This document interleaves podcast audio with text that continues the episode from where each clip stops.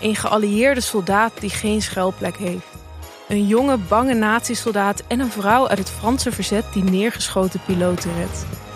Exact 80 jaar geleden, op die day, begon de bevrijding van Europa in Normandië. In Radio Oranje volgen we deze drie hoofdpersonages en wat zij beleefden op die ene dag. Luister de D-Day special nu via podimo.nl slash Radio Oranje en probeer Podimo 30 dagen.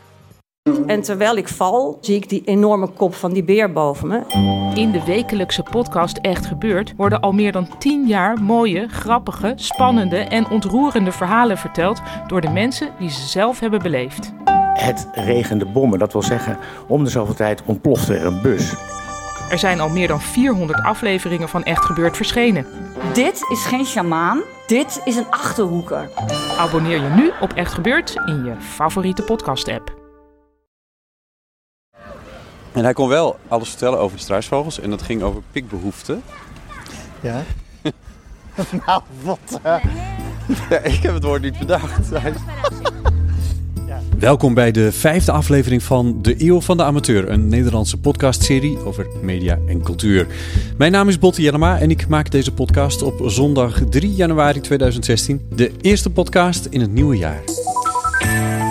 NOS Radio 1 Journaal Media Overzicht. Laat u niets wijsmaken, vloggen, videobloggen is helemaal niet hip. Wie er komend jaar echt bij wil horen, die luistert naar podcasts. Die bereiken eindelijk een groter publiek, als we in ieder geval de NRC moeten geloven. Opgenomen reportages dus met de verslaggever in de hoofdrol. Een van die podcasters is radiomaker Botte Jellema. Die praatte bijvoorbeeld met zijn goede vriend Ipe Driesen... over de film Er is wieder da, over de terugkomst van Hitler. Ja, ik denk altijd, wat is er toch met die Hitler? Ja. die roept dat nog, dan nog steeds allemaal dat soort dingen op na eh 70 jaar of zo. 71. Bij mensen die het helemaal niet hebben meegemaakt. Ja. Ja, we werden vorige week genoemd in het Radio 1 Journaal in dit mediaoverzicht van Martijn Nijhuis. Want het gaat lekker met de podcast. Op dit moment zijn er al bijna 800 beluisteringen van de Eeuw van de Amateur. En dan heb ik het alleen nog maar over de eerste vier afleveringen die online staan. Ehm, dat is veel meer dan waar ik op had gehoopt. En het blijft maar beter gaan. Maar Daarvoor blijf ik wel jullie hulp nodig hebben, want ik heb geen budget voor marketing. Het moet van mond tot mond gaan. Dus als je dit hoort en je vindt het leuk, zet het op je Facebook, twitter erover, vertel het aan je vrienden. Want hoe meer luisteraars, hoe meer we kunnen doen. Een voorbeeldje. Afgelopen week kreeg ik een e-mail van Peter van Elzelingen, een luisteraar uit het zuiden van het land. Hij bood spontaan aan om de Eeuw van de Amateur te gaan sponsoren. Geweldig nieuws natuurlijk, want ik verdien hier niets aan en het kost wel geld om het te maken en online te houden. Hoe meer luisteraars we hebben, hoe interessanter we worden voor sponsors en hoe meer ik kan ondernemen om dit een van de leukste podcasts van Nederland te maken. Nou, vandaag is zeker een leuke. Ik ontmoet Aaron Rokus. Hij is filmregisseur en maakte vorig jaar de film Een Goed Leven. Hoofdrolspeelster Ariane Sluter kreeg voor haar rol in die film een gouden kalf op het Nederlands Filmfestival. Aaron zit vol plannen voor nieuwe films en series. En de reden om met hem af te spreken is dat hij nadrukkelijk kiest voor fictie om verhalen te vertellen. Tegenstelling een beetje tot wat ik doe. En hij wil zijn publiek ondertussen wel iets bijbrengen. Wat is de verhouding tussen vermaak en vorming in zijn films, in zijn werk? Daarover hebben we het in de Amsterdamse dierentuin Artis. Een plek die ook laveert tussen educatie en plezier. Hallo, we zijn in Artis en we nemen nu het geluid van de aflevering op. En jullie mogen nu gaan raden, hij poept, wat dit voor geluid is, wat voor dier dit is. Luister goed. Moeten die andere mensen even hun mond houden.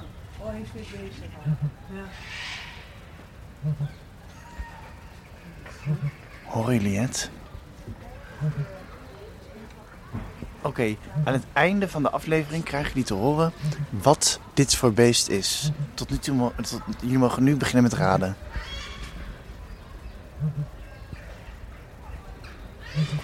Ja, maar dit is ook te klein. Je kan dit nooit groot genoeg maken. Nee, dan is het nog niet hoog genoeg. Dit soort vogels vliegen bijna nooit. Dan moet je eigenlijk hele grote propellers neerzetten en een soort thermiek gaan maken dat ze daarop kunnen zweven. Zo grappig, want hier hadden we het net ook over. Hè? Van die, die, die bezoeker hier die spreekt de verzorger bij de. Wat, is, wat zijn dit? De, En hier is een bordje. Een vale ja, gier. gier, Ja, precies.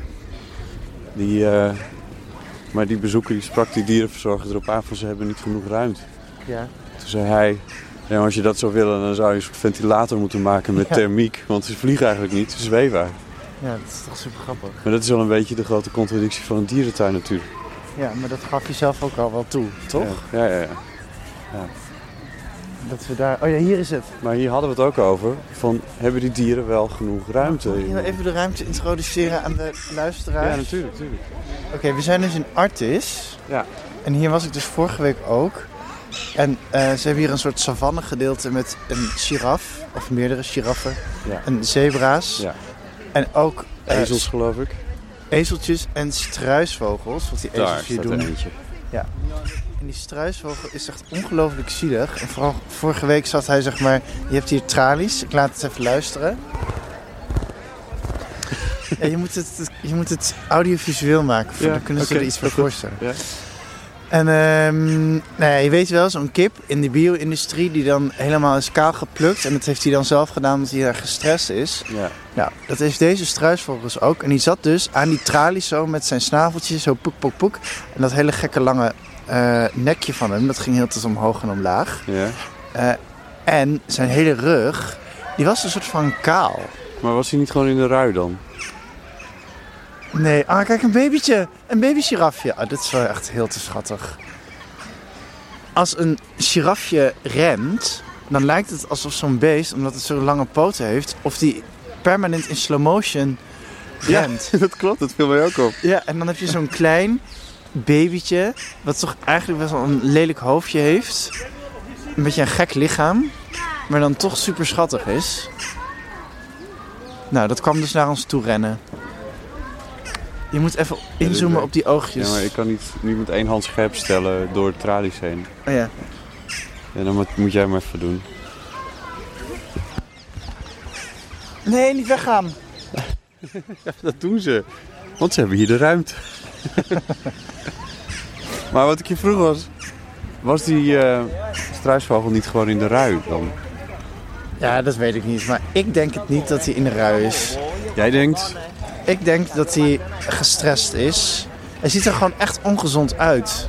Is Kom- het die trouwens? Ja, Die, eh, ja kom, Zullen we even lopen even om de... Wat is het? De olifanten heen? Nee, de giraffenverblijf lopen we heen. Ja. Een antiloop.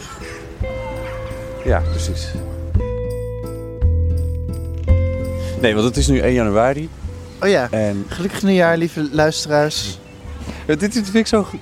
Want we liepen net hier ook door Artis en dan, en dan vraag je mij... Ja, maar het- je neemt alles op, maar eh, eh, ben je er wel mee bezig dat, of mensen het leuk vinden of niet? Oh ja, of mensen, ja. Want ik merk dat jij... Je bent wel een beetje een entertainer.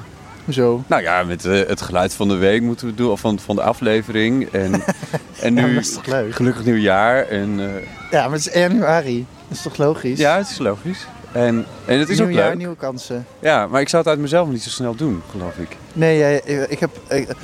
eh, voor de luisteraars thuis... Ik, Botte, we hadden het hier over al twee weken geleden dat we dit gingen doen. En toen wilde ik al heel graag geluid van de week. Maar Botte wilde dat heel tijd niet. En nu heb ik het toch doorheen gedrukt. In ieder geval deze aflevering inderdaad, van deze week. Ja. Maar we zullen zien. Eh, Weten jullie het al, lieve luisteraars, wat het geluid is? Jullie een hint? Het is geen zoogdier. Dat was de hint. Ja, oh heel goed. Ja, Ja. geen zoogdier. Ja. Ehm, want eh, jij maakt eh, films. Ja. Al geruime tijd. Je hebt gestudeerd in Utrecht, hoogst, de universiteit.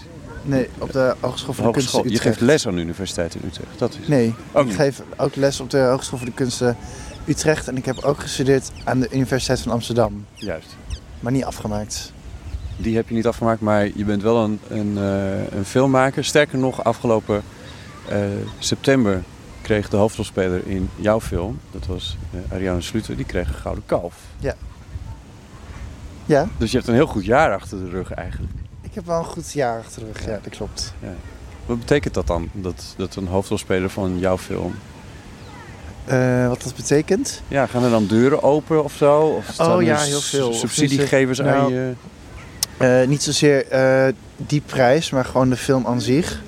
Die was Een goed leven. Een goed leven. Die was ook genomineerd voor beste tv-film. Mhm. En Eh, ja, dat heeft wel heel veel deuren geopend dat ik nu wel word gebeld eh, voor series, of ik die wil regisseren, eh, of ik dingen wil schrijven. Ik ben nu bezig met verschillende series. Dus dat zijn wel fijne stappen. Ja. Ja. En daar mag je niks over zeggen. Welke films en series er nog aan zitten te komen. Waarom wordt er altijd zo geheimzinnig over gedaan eigenlijk? Nou, omdat ik nog geen. Omdat het zijn hele lange trajecten. En ehm een serie die eh, is nog. eh, ja, als dat naar buiten komt, dat wordt wel een persding. Kan best wel een, misschien een relletje worden qua thematiek of qua vorm. Dus ik kan daar nu, ja, dat kan gewoon niet naar buiten. En die andere serie, dat is zo'n lang traject. Dat wordt dan, als het doorgaat, in 2017 pas uitgezonden. En dat ga ik dan in 2016 helemaal schrijven en maken. Ehm, maar het zit in zo'n beginfase dat ik nog niet weet of het überhaupt nog wel doorgaat, weet je wel. Ja. Ik ben daar nu aan het pitchen. Eh, ik ben door de eerste pitchronde heen, maar ik moet nog naar de langs de volgende. Ja. En dan krijg je weer geld om je synopsis te schrijven, en dan je treatment. En eigenlijk pas daarna weet je of het gemaakt wordt, echt of niet. Er zijn natuurlijk enorme bedragen mee gemoeid. En dat gaat allemaal in fases. En dat kan eigenlijk in iedere fase. Zijn die bedragen ook aan het oplopen voor jou in de afgelopen jaren? Nee, nee. Nou, ja, voor mij persoonlijk wel. Want ik heb, ik heb eh, eh, allemaal films eh, eigenhandig uit de grond gestampt. Met crowdfunding en dat soort shit. Voor 9000 euro. Ik maak er nu eentje voor 15.000 euro. Ik heb er eentje voor 26.000 euro. Het zijn echt kleine bedragen. Ja. Maar al die grote series van nu, die. ehm, ehm, weet je, het Mediafonds kapt ermee. Dus daar gaat eh, geld van weg. Ehm, eh, er staat enorm veel druk op de NPO, omdat. eh, eh, er zijn steeds minder kijkers, weet je wel. Veel meer jongeren die kijken vlogs. Eh, dus alles wordt commercieel. Radioluisteraars luisteren naar podcast. Ja, precies. Nee, maar er de, de, de vloeien gewoon heel veel. eh, eh, of er zijn zoveel andere opties om dingen te bekijken. Ja. Ja, en op de publieke omroep staat ook enorm veel druk. En je hebt Netflix en eh, alles in het buitenland is beter. En dat soort eh, leuzen. Wat doe jij daarmee met dat soort eh, dingen? Wat ik daarmee doe? Ja, of je bied je dingen aan aan Netflix of zo? Of, Oh nee, ik zit. Nee, dat is. mm, mm. ja, dat is zo ingewikkeld. Ehm, nee, je hebt producenten en distributeurs die zouden, dat, die zouden daarmee bezig moeten zijn. Ik Ja. maak echt dingen en eh, ik hoop natuurlijk dat. Ik wil gewoon dat zoveel mogelijk mensen het zien. Eh, maar voordat je iets überhaupt kan maken, eh, dan ben je echt wel een paar jaar verder. Dus de kansen die ik nu krijg aangeboden, die neem ik gewoon helemaal vol. En dat is nu eh, bij de publieke omroep mag ik dingen ontwikkelen. Ja. En dat is te gek. Ehm, het, het leuke, we, we zijn beide mediamakers in, in dat opzicht. Jij als filmmaker, ik als eh, radiomaker of podcastmaker in dit geval. Maar Ja. ehm, ik kies voor de non-fictie, jij kiest voor de fictie. Ja. Tenminste, heb je een documentaire gemaakt dan? Nee, ik heb ooit eens een keer een Kids and Dogs ontwikkeld. Dat is een eh, documentaire plan, of ontwikkelingstraject van eh, Mediafonds. Maar dat was grandioos mislukt. Ik ben niet zo goed in documentaire, denk ik. Waarom kies jij voor fictie? Omdat ik alles en iedereen naar mijn eigen hand kan zetten. ja, daar komt het eigenlijk op neer. En dat, dat, dat ik gewoon mijn eigen verhalen wil vertellen. Omdat ik denk dat ik iets te vertellen heb. Ja, punt. Ik heb wel iets geleerd van de giraffe.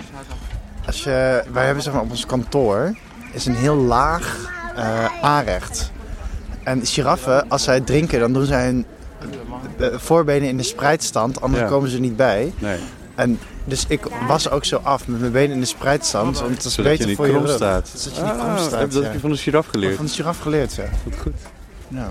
Nou zijn de struisvogels weer naar de andere kant. Weet je wat ik nou wel zou willen? Zo iemand van Artis zouden Vragen kunnen wat er vragen. aan de hand er- is. of, er, of er iets aan de hand is. Ja. Kijk, dit vind ik zo'n mooie uitspraak, hè? Elke Staat keer dat ik in Artis ben geweest, begrijp ik de mensen weer zoveel beter. Van J.H. Leopold uit 1922. Ja, het staat hier op een muur eh, geschreven. Omdat de mensen zo op de dieren lijken. Ja. Ja. Maar ondertussen eh, denk ik dat we ook niet de fout moeten maken dat je dieren te veel met mensen gaat vergelijken. Nee, dat weet ik, Botte. Ja. Die hebben zo hun eigen... Dat is, net, dat is hetzelfde als wanneer mensen eh, egeltjes melk gaan geven of zo. Oh ja, dat is heel slecht hè? Ja, dat moet je gewoon niet doen. Oh, dit is iemand van Artis. Oh ja, Zoals ik, ja, ik durf het niet. Te jammer. Hoi, zou ik hem mogen vragen? Ja, dat mag. U bent van Artis, hè? Ja. Ehm, weet u wat van de, van de nee. Ik maak een podcast, Ja. een soort radioverhaal. Zou ik even mogen opnemen? Nee, dat mag je niet zomaar doen. Oh, oké. Dat gaat de afdeling communicatie. Dan zet ik hem uit. Die is heel strak.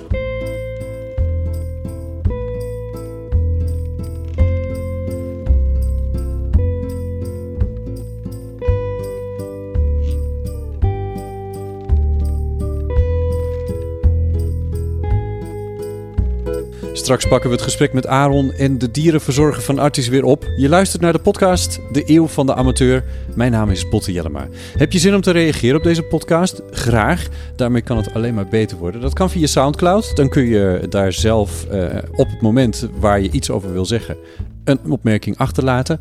Maar je kan natuurlijk ook even twitteren. Doe dat naar Botte Jellema. Eerst gaan we nu naar Martijn Rosdorf, de huiscorrespondent van de Eeuw van de Amateur, vanuit kustplaats Brighton in Groot-Brittannië. Ik zit dus in mijn auto. Want het stormt en het regent. Ik ga er nu heel even uit. Even tussen twee buien door. Bedankt voor het luisteren. En voor alle leuke reacties. Ondertussen ren ik. Oh man, wat een slecht weer. Ik ren naar een plek waar het ietsje droger is en waar ik een beetje uit de wind kan staan. Maar ik ben natuurlijk op zoek naar de man onder de boot. Ian, de dakloze ex-militair die onder een omgekeerde roeiboot woont op het strand van Brighton. Maar de omstandigheden zijn bar. Deze 2 januari. Ik ga nu een publiek toilet in. Oh nee, dit is de dames. Dat is niet, ik loop even de andere kant op. Ja, hier is het droog. En er is verder niemand binnen. Beetje raar om opnames te maken in een openbare wc. Overigens, een groot verschil met Nederland is dat. In Engeland zijn onvoorstelbaar veel openbare toiletten. Ik loop altijd veel te klagen over Engeland. Maar niet over die grote hoeveelheden openbare wc's. Ik ga even kijken of Ian onder de boot zit. Kleine kans, gezien de weersomstandigheden. Maar goed, we gaan het toch proberen.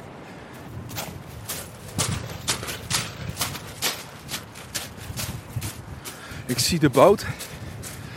Er is wel iets veranderd sinds de vorige keer. Ik zie dat alles anders ligt, ja. Ik ga even op de knieën ervoor. Hoi, mate. Het lijkt alsof er iemand ligt te slapen. Nee, maar hij heeft zijn slaapzak neergelegd op zo'n manier dat het net lijkt alsof er iemand in ligt te slapen. Maar er zit niemand in. Ongelooflijk. Nee, de weersomstandigheden. Als je hier nu gaat slapen, dat zou echt heel erg verdrietig zijn. Maar ik vrees toch het ergste. Die slaapzak ziet eruit alsof er iemand in ligt. Maar ja, dat is dus gedaan om te zorgen dat het net lijkt of er iemand in ligt, zodat zijn spulletjes niet gestolen worden. Maar het verschil met vorige week is heel duidelijk. Het is een andere, een andere setup. Dus er woont echt iemand onder die boot.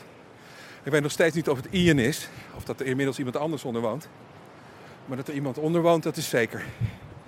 Het is eh, niet verwonderlijk dat de gemiddelde leeftijd van een dak- en thuisloze in Engeland 47 jaar is. Voor mannen, voor vrouwen 43 jaar. Nou worden ze in Engeland gemiddeld al iets minder oud dan in Nederland bijvoorbeeld. Maar dit is wel een heel grof verschil. Ik sta weer even droog. Onder een soort strandhutje. Maar ik ga gewoon lafjes in de auto zitten. En dan rijd ik even naar een andere dakloze hotspot. Kijken of daar iets te vertellen valt over waar Ian is. Of waar de man is die onder de boot woont.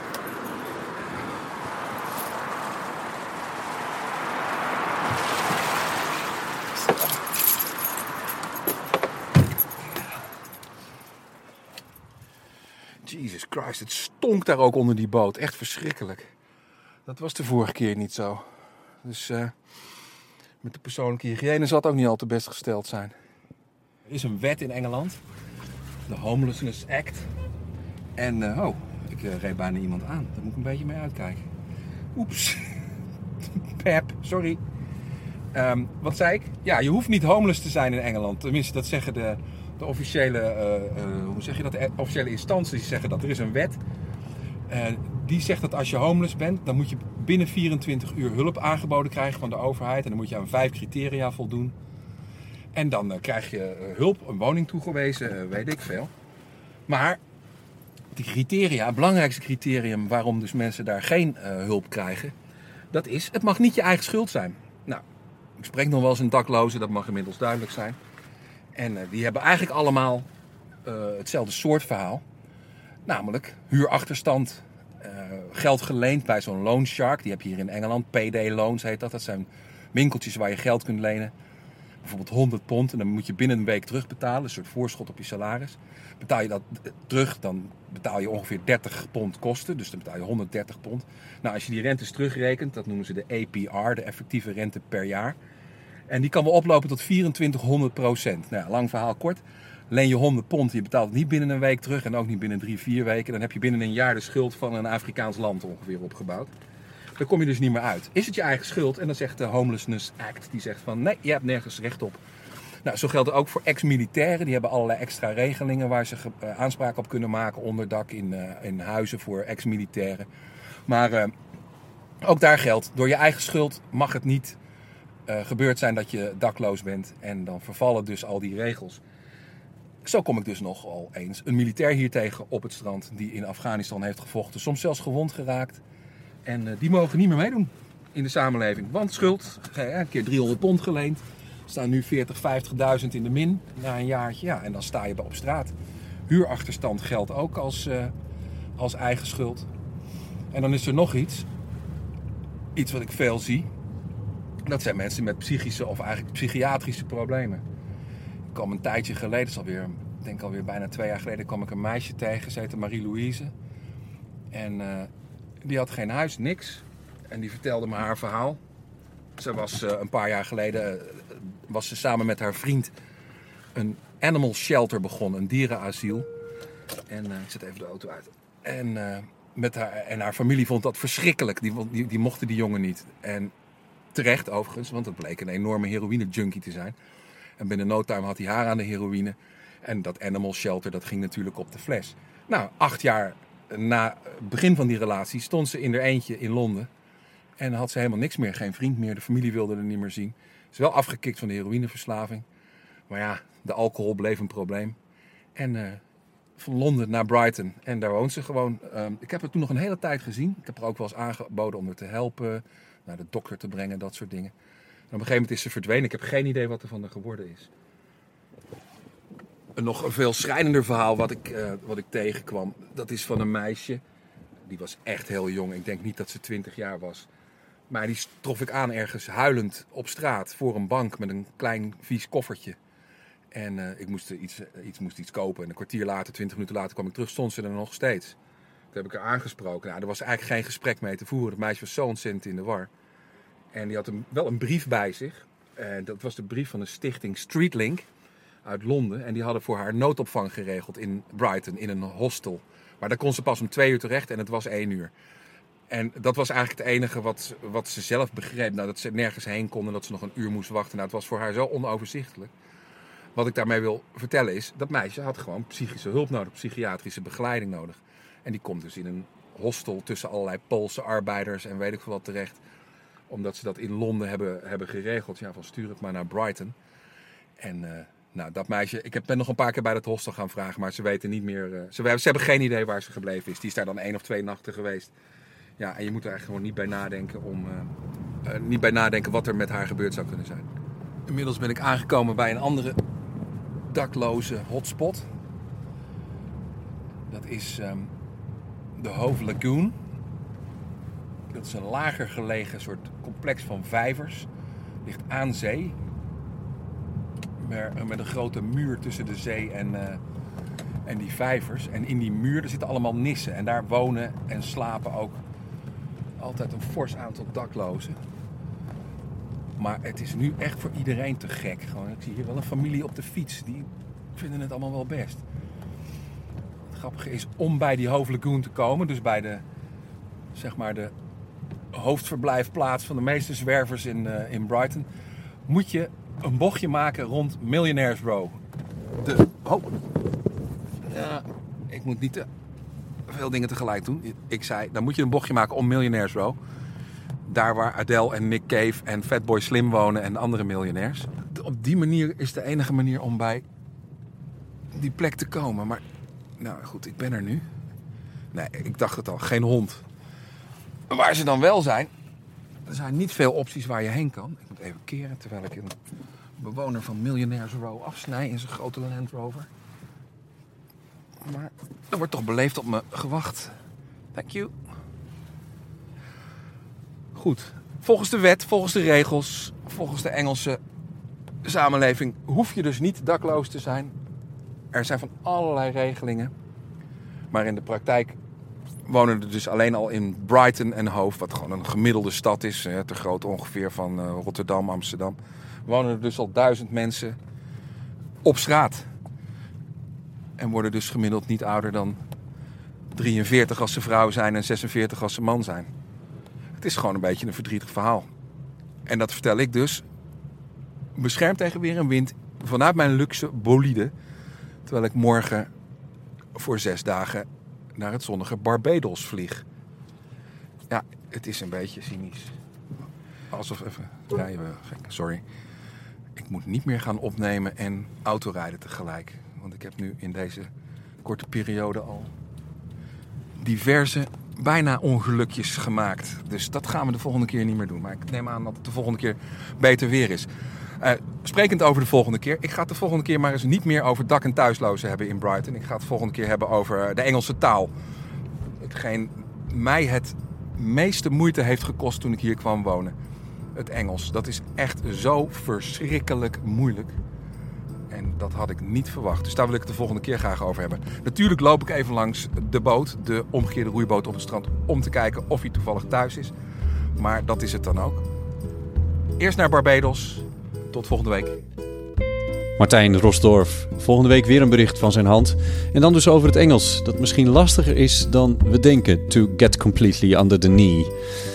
We pakken het gesprek weer op met scenarist en regisseur Aaron Rokus. Schrijver en regisseur van onder andere de film Een Goed Leven, waarvan de hoofdrolspeler een gouden kalf won. Ik ben met hem in Artis, omdat ik het met hem wil hebben over de spanning of samenwerking, hoe je wil, tussen vermaken en vorming. Oftewel, wat wil je met je verhalen je publiek bijbrengen en in hoeverre moet je het vermaken? Aaron vertelde voor de break dat hij kiest voor fictie om verhalen te vertellen, omdat, zo zegt hij, hij dan alles naar zijn hand kan zetten. Maar hij maakt zich ook zorgen over de struisvogels in Artis, die kaal geplukt lijken op hun rug. En daarom schoten we even een dierenverzorger aan. Ik heb het Want we treffen net hier toch iemand van Artis. Ja. Een man die... eh we mochten het gesprek niet meer opnemen, want het moet via communicatie van Artis. Dat snap ik allemaal wel, maar dat is te veel gedoe. Ja. Ehm, en hij kon wel alles vertellen over die struisvogels. En dat ging over pikbehoeften. Ja. nou, wat? eh. Ja, ik heb het woord niet bedacht. Ja, ze hebben- Pikbehoeften. Ze hebben de behoefte aan... eh, Om elkaar te pikken. Nee, niet elkaar, om iets. Ja, om iets te pikken. En Ja. dat doen ze dus bij elkaar en dat hebben ze elkaar geleerd. En er is er nog één, een nieuwe, die is al een half jaar. En die heeft dat dus niet. Dus Nee. het is niet omdat ze gestrest zijn, maar omdat ze dat elkaar hebben aangeleerd. En het is niet zielig, want het schijnt dat die veren niet een heel erg zwaar isolerende waarde hebben. Waardoor ze het uiteindelijk toch nog niet echt koud hebben. Ook al is het eh, min 10 hier in Nederland. Ik geloof niet ergens- helemaal. Nee, wat zeg je? Ik geloof dat niet helemaal. Nee? Dat, is het, dat het in de winter, dat is het wel te koud voor ze hier in Nederland. Of trouwens, in de savanne is het min 30. Ja. Nee? Is het ook onder bij het vriespunt, s'nachts. Het kan heel koud worden. En ze kunnen hier naar binnen, dus het loopt wel een beetje los. Ah ja, oké. Nou, vooruit dan. Ja. Toch dacht ik, Maar goed, een is- dekentje zou ook leuk zijn. Een struisvogeldekentje. Ja, dat is bij een paard, weet je wel. Ja. ja.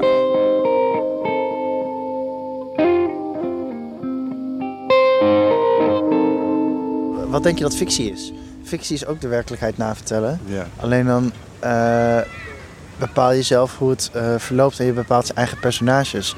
Maar documentaire, als je een documentaire gaat maken, dan ben je natuurlijk ook, heb jij daar de eigen hand in, want je kiest je eigen onderwerp uit en je ki- kiest je eigen invalshoek. Ik wil alleen niet afhankelijk zijn van andere verhalen en andere mensen. Eh, omdat ik denk dat ik daar zelf andere dingen aan heb toe te voegen. En het, ja, het is ook gewoon een beetje een denkwijze, denk ik. Ik vind het gewoon leuk om verhalen te verzinnen ook. Ja. Ja. En, en die denkwijze, werkt dat eens uit als je wil?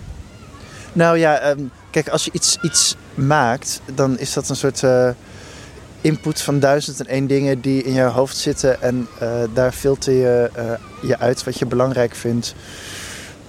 En dat kan je dan, weet je, je, hebt, je wilt een, een boodschap vertellen. En dat kun je dan zelf helemaal vormgeven. Bijvoorbeeld bij Een Goed Leven wil ik heel graag eh, vertellen over intimiteit. Ehm, hoe ik vind dat iedereen eh, daar ja, steeds losser mee omgaat. ehm, en het steeds moeilijker wordt om intimiteit te beleven, omdat alle contacten zo vluchtig zijn. En wilde ik heel graag iets vertellen over ehm, dat mensen maar wat doen. Weet je wel, je, hebt wel je kan wel een heel, heel leuk een doel hebben in het leven. Maar er zijn gewoon een heleboel externe factoren die invloed hebben op, jou, eh, ja, op jouw weg. En, en je hebt geen volledige controle over je leven. En soms dan meander je ook maar een beetje. En dat kan als individu heel frustrerend zijn. Maar als je daar... Als filmmaker kijk je daar ehm, meer van boven tegenaan. En dat vind ik het juist heel mooi om dat te vertellen. Dat dat ook gewoon zo gaat. En dat dat kan en dat dat mag ook. Ja. Maar je houdt er wel van om mensen te vermaken. Ja, maar dat kan beide, denk ik. Eh, ja, je hebt toch ook spelende wijze leren, weet ik veel. Je moet, ik, vind, ik vind een soort entertainmentwaarde aan iets toedichten. Dat je gewoon iets goed vertelt. Dat je denkt, fuck, dit is, dit is zo goed in elkaar. Of dit is echt vet. Of hier word ik heel gelukkig van. Ehm, en dat het toch ergens over gaat. Ja, dat vind ik een soort gouden combi die ik zelf heel erg leuk vind om na te streven. Ja.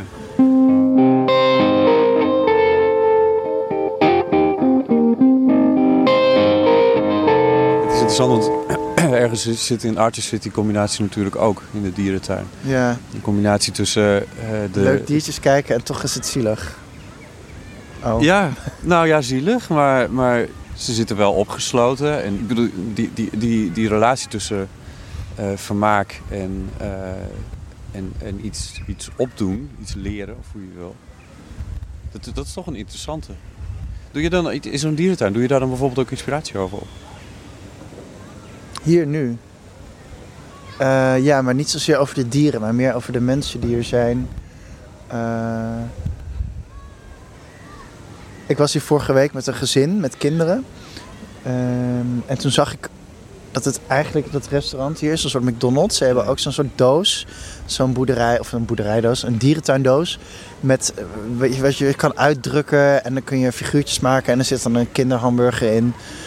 Ehm, dus het wordt ook heel erg eh fair entertainment. Is dat een werkwoord? Ehm, en hoe makkelijk mensen daarmee omgaan. Als in zich daarin laten eh, Mee- meenemen? meenemen. Ja. En hoe, ja, hoe makkelijk mensen soms denken. Over? Of niet denken? Over wat ze of doen. Over, nou, of, niet- niet denken over wat ze doen. Weet je, dit Ja. gaat dan over die spreuk waar we het net over hadden. Ja. Ieder bezoek aan de dierentuin leert me meer over mensen. Nou ja, het gaat zoals wij, zoals die mensen dieren observeren, o- kun je natuurlijk onszelf ook observeren op Dat is wat jij doet, hè? In jouw films. Ja, dat denk ik wel. En jezelf observeren. Jij toch ook? Jij observeert toch ook mensen? Ja. Gaat het vaak over jezelf? Mijn, ik, nou, zoals nu. maar ja, dus is mijn, mijn, mijn podcastserie is misschien ook een soort dierentuintje. Maar- Oh ja. Nou, ik, had, ik, ik vroeg me laatst af, want je zei ehm, die podcast, je gaat daarmee, ehm, je wilt daar geen nieuws of geen radio mee maken. En je zei, alle, alle regels kun je overboord gooien. Nou ja, maar goed. Ja. Ja, nou, dat zei je in podcast 1. Ja. Die heb ik gisteren geluisterd. Ehm, maar hoe, wat gooi je overboord of wat ga je anders doen? Nou, er zijn ook een paar dingen die ik niet overboord gooi. Zoals bijvoorbeeld... Dit interview is wel heel erg radio, toch? Dit, het, het is relatief radio, maar het is ook weer niet. Omdat ik voor de radio niet op deze manier een interview zou doen. We moeten een jingle maken. Botte Jellema. Ben je weer aan het entertainen? Nee, maar ik denk, we moeten, het, we moeten de podcast breken met het radio, weet je wel? Dat je je eigen vibe eraan geeft. Nou, met dit soort dingetjes, dus wat je nu doet, dat zou, ik- dat zou op de radio echt nooit gebeuren. Dat bedoel ik met dat het eh, dingen die ik voor Radio 1 maak, dat is heel erg gepolijst. En natuurlijk zit hier ook een polijsting in. En natuurlijk maak ik ook knipjes. Ja. En zorg ik dat er een soort logische, logische opbouw zit per aflevering. Want al die dingen die heb ik in de afgelopen jaren echt wel geleerd. Die, om die overboord te gooien, dat is een beetje zonde. Want dan wordt het echt recorder aanzetten, uitzetten en uploaden. En Dat, dat wil ik niet doen. Dus dat gooi ik niet overboord. Wat ik wel overboord gooi, is dat, al dat gepolijst wat er voor Radio 1 eh, vaak gebeurt. Ja. Eh, laten we zeggen dat mijn, eh, de, de tijd van het editen die ik aan editing besteed, die bij jouw films waarschijnlijk echt weken beslaat. en bij mijn reportages enkele uren, eh, die is substantieel korter. Oké. Het is veel meer één op één wat dat betreft. Dus in Ja. die zin rauwer. Ik, eh, ik denk dat je nog veel meer kan experimenteren. In vorm. In vorm, ja. Ik bedoel, het gaat nu alleen over editen, dat je minder dingen, dat je alle, alle bijgeluiden eruit edit.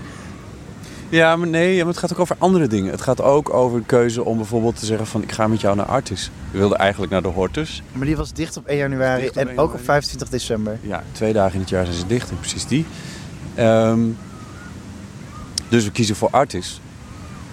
En dan blijkt dat het een... En dat had ik al een beetje in mijn hoofd. Van, nou, dat zou wel een leuke metafoor kunnen zijn voor, om te praten over eh, eh, entertainment en inhoud. In Ja. de relatie tussen die twee. Eh, en dat is een beetje een long shot. Wat ik met een radio-interview echt nooit zou nemen. Oh ja. Maar het is ook gewoon leuk om hier te lopen, toch? Ja, maar dan... Het is leuker dan in Park Frankendaal. Tenminste, je kan hier meer over vertellen. Ja. Zullen we nog gewoon iemand random interviewen? Als je dat wil. Denk je dat dat leuk is? Goed is? Veel. Misschien als het niet leuk is, dan kun je het uitknippen. Ik, ik weet niet, ik hou, ik hou daar niet zo van. Het wordt een beetje zo'n straatinterview. Waarom bent u hier? Ja, precies. Oké. Wat vindt u ervan? Ik dacht, ik improviseer. Ja, dat is, wel, dat is wel goed. Maar misschien is dit toch minder geïmproviseerd dan ik het laat overkomen. Oké, heel- ik weet nog iets. Ik kan nog een dier nadoen. dat, is, dat is een paard in galop. Wat moeten mensen nou van jouw films denken? Ik, ik, dit is geluid. Je moet geluiden brengen. Toch? Je moet je, moet, je, moet je luisteraar... eh, ja, maar we gaan niet door een grindbak lopen of zo, weet je wel. Het is geen hoorspel. Nee, maar we zijn in een dierentuin. Mag ik dus wel een paard nadoen? Je mag zeker een paard doen als je er zin in hebt. En nu wil ik koffie. Ja. Dag, lieve luisteraars. Geluid van de aflevering. En jullie krijgen van ons nog te goed de uitslag van het geluid van de aflevering. Wat jullie horen is de zuidelijke hoornraaf. En dat is een soort vogel eh, die er niet uitziet als een raaf, maar meer als een soort zwarte toekan met een wat kleinere snavel, maar die is zo groot als een gans. Of als een zwaan wel. En hij komt uit eh, Zuid-Afrika. Nee, iets daarboven. Zuidelijk Afrika. Dus Zuidelijk Afrika. Malawi, ja. Zimbabwe, die hoek. Ja. Nou, Wat heb je nou gewonnen als je het goed? Ja, zo werkt het natuurlijk helemaal niet. nee, het is gewoon een quiz zonder prijs. Oké. Tot, eh, ik, en ik hoop dat jullie allemaal reageren. Dat jullie in de volgende aflevering ook geluid van de aflevering willen. U hoorde filmregisseur Aaron Rokus. Hij is ook te volgen op Twitter. Aaron Rokus. met een dubbele A en een dubbele O en met een U. Ja, dit was de vijfde aflevering van De Eeuw van de Amateur. De eerste van 2016. Ik vind het onwijs leuk om te maken en ik vind het net zo leuk dat je hebt geluisterd. Volgende week zondag is er een nieuwe aflevering. Ik heb een paar ideeën daarvoor. Uh, zoals dat we misschien eens eventjes wil gaan praten met uh, Sena over muziekrechten. En dat het door hen komt dat je buiten de omroepen in Nederland geen muziekpodcast zou kunnen beginnen. Sterker nog, ik kan geen enkel plaatje in mijn podcast zetten. Tenzij je heel erg rijk bent, dan kan het wel. Dat vinden ze vast zelf ook niet leuk. Ik ben benieuwd of ik een gesprek kan regelen. Um, en wat ik ook zou willen weten, is of ik mijn podcast niet op de Cayman-eilanden kan lokaliseren. Zoals Paulien Cornelissen twee weken geleden suggereerde. En of ik zo om de Sena heen kan. Een soort Radio Veronica. Enfin, dat komt volgende week. Ik lees heel graag reacties. Gebruik Soundcloud daarvoor. Twitter of Facebook kan ook. Mijn Facebook staat gewoon open. Daar kun je de aankondiging van deze podcast vinden en dan kun je onder reageren. Reacties die helpen mij om het beter te maken. En uiteraard beantwoord ik ook vragen als je die zou hebben. Als je deze podcast leuk vindt, raad hem dan vooral ook aan bij je vrienden en vertel hoe eenvoudig het eigenlijk is om hiernaar te luisteren en waar je dat doet. Want sommige mensen hebben eigenlijk geen eens een idee daarover van wanneer zou ik dan moeten luisteren naar een podcast. Hoe doe jij dat? Laat het weten. Ed is het Twitter-adres waar je naartoe zou kunnen sturen en deel het vooral ook onder je vrienden. De podcast De Eeuw van de Amateur is te vinden in de iTunes Store en is natuurlijk gratis. Mijn naam is Botte Jellema en mij rest niets dan je een heel fijne week te wensen.